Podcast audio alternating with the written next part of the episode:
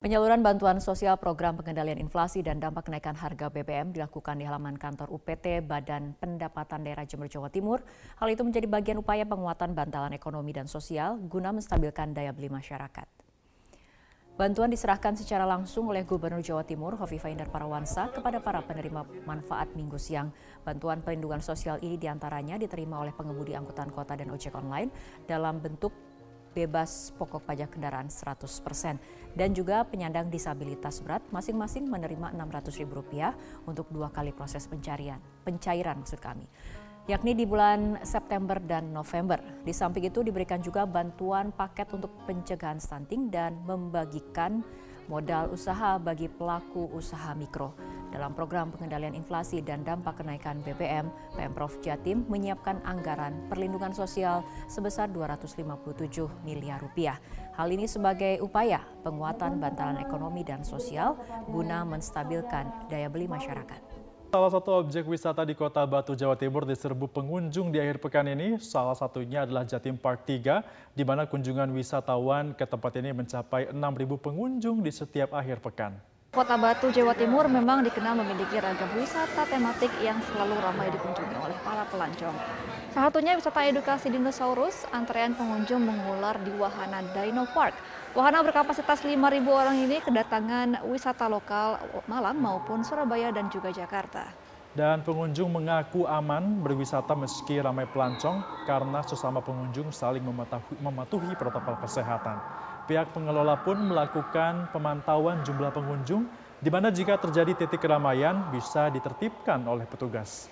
Pemirsa Indonesia ditunjuk menjadi tuan rumah Asian Mini Football Championship 2023 yang akan berlangsung di Provinsi Gorontalo. Sementara itu, jelang kejurnas karate pada Oktober mendatang, ratusan atlet karate nasional mempersiapkan diri. Indonesia resmi menjadi tuan rumah ajang Asia Mini Football Championship 2023. Kepastian tersebut didapat usai pemerintah daerah Provinsi Gorontalo menerima surat penyelenggaraan kejuaraan mini football Asia dari Asian Mini Football Confederation AMFC. Penanda tanganan komitmen dan kesepakatan pun dilakukan antara pejabat Gubernur Gorontalo Hamka Hendranur dengan Muhammad Aldausari selaku Presiden AMFC yang disaksikan Menteri Pemuda dan Olahraga Zainuddin Amali.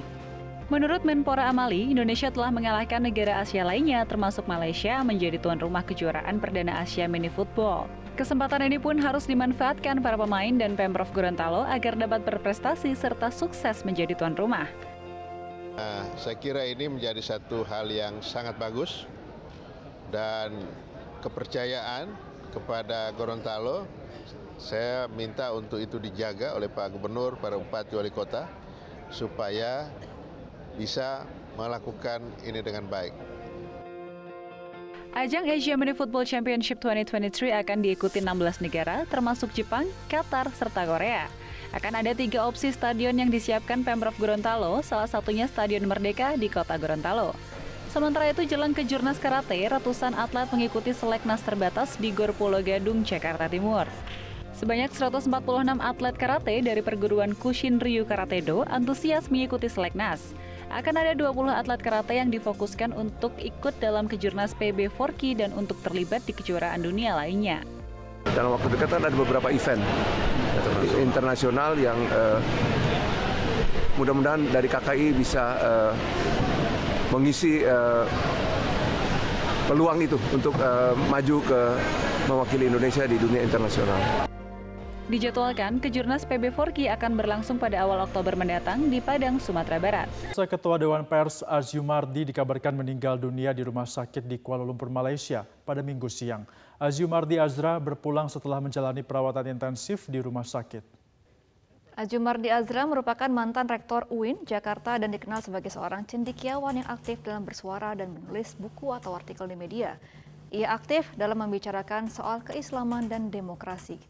Sebelumnya, Aziumar di Azra dikabarkan mendapatkan perawatan intensif di Rumah Sakit Serdang Selangor, Malaysia pada Sabtu kemarin setelah sempat mengalami sesak nafas dalam penerbangan menuju Kuala Lumpur. Ia bertolak ke Malaysia untuk menghadiri sejumlah acara.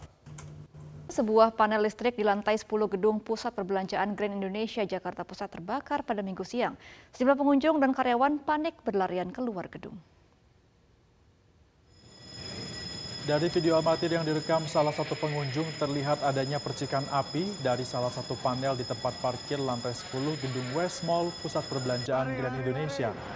Kepanikan para pengunjung dan karyawan pun tak terhindarkan, mereka berlari keluar gedung untuk menyelamatkan diri.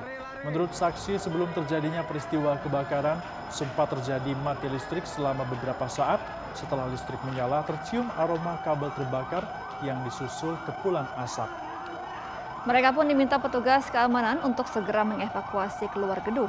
Tujuh unit mobil pemadam kebakaran dikerahkan. Setibanya di lokasi, petugas langsung mencari sumber api untuk segera dilokalisir. Belum diketahui pasti apa dan penyebab pasti kebakaran, namun diduga kebakaran terjadi akibat korsleting listrik. Paguyuban Sosial Marga Tionghoa Indonesia atau PSMTI melaksanakan donor darah untuk membantu sesama dan mewujudkan misi kemanusiaan. Donor darah dilakukan secara serentak di 13 provinsi di Indonesia. 17 September 2022, Paguyuban Sosial Marga Tionghoa Indonesia atau PSMTI berkolaborasi dengan Persatuan Masyarakat Singkawang dan sekitarnya atau Permasis, Persatuan Jaksa Indonesia atau Persaja, serta PMI Jakarta mengadakan acara donor darah di salah satu ruko yang ada di pusat perbelanjaan di Jakarta Barat. Sebanyak 150 warga mendonorkan darah pada hari itu sebagai wujud kepedulian sosial. Di hari yang sama 17 September 2022, bertempat di markas PMI Pusat Palang Merah Indonesia atau PMI melakukan penandatanganan MOU dengan Kementerian Ketenagakerjaan dan Paguyuban Sosial Masyarakat Tionghoa Indonesia atau PSMTI.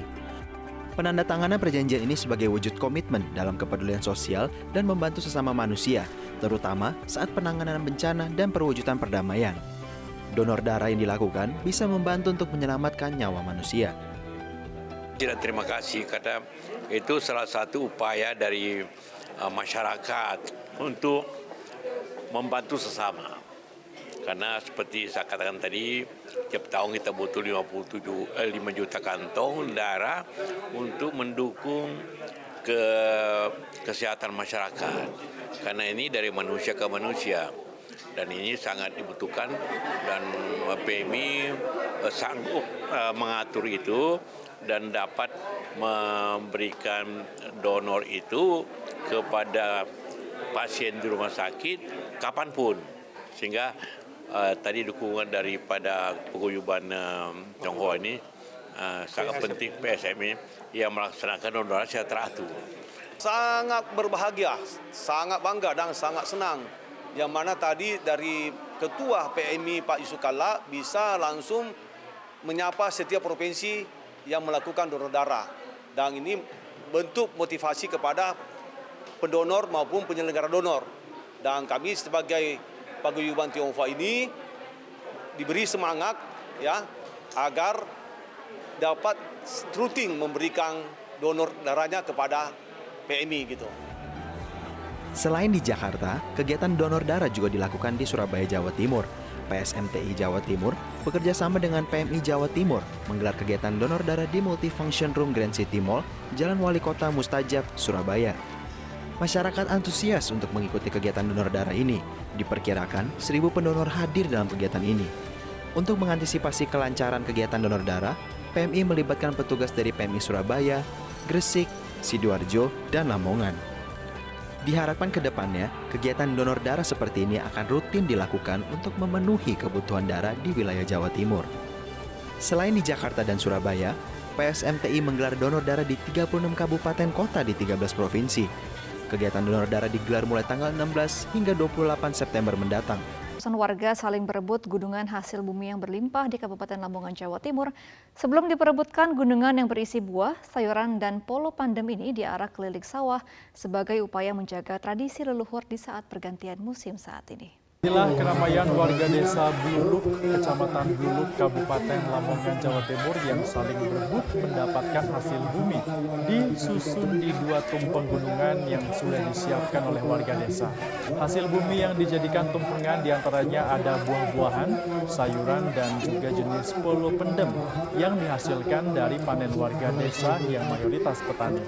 Sebelum diperebutkan, dua gunungan hasil bumi ini diarah keliling kampung dan juga sawah di diiringi dengan kirap karnaval berbagai busana hasil kreasi masyarakat dari desa Bluluk.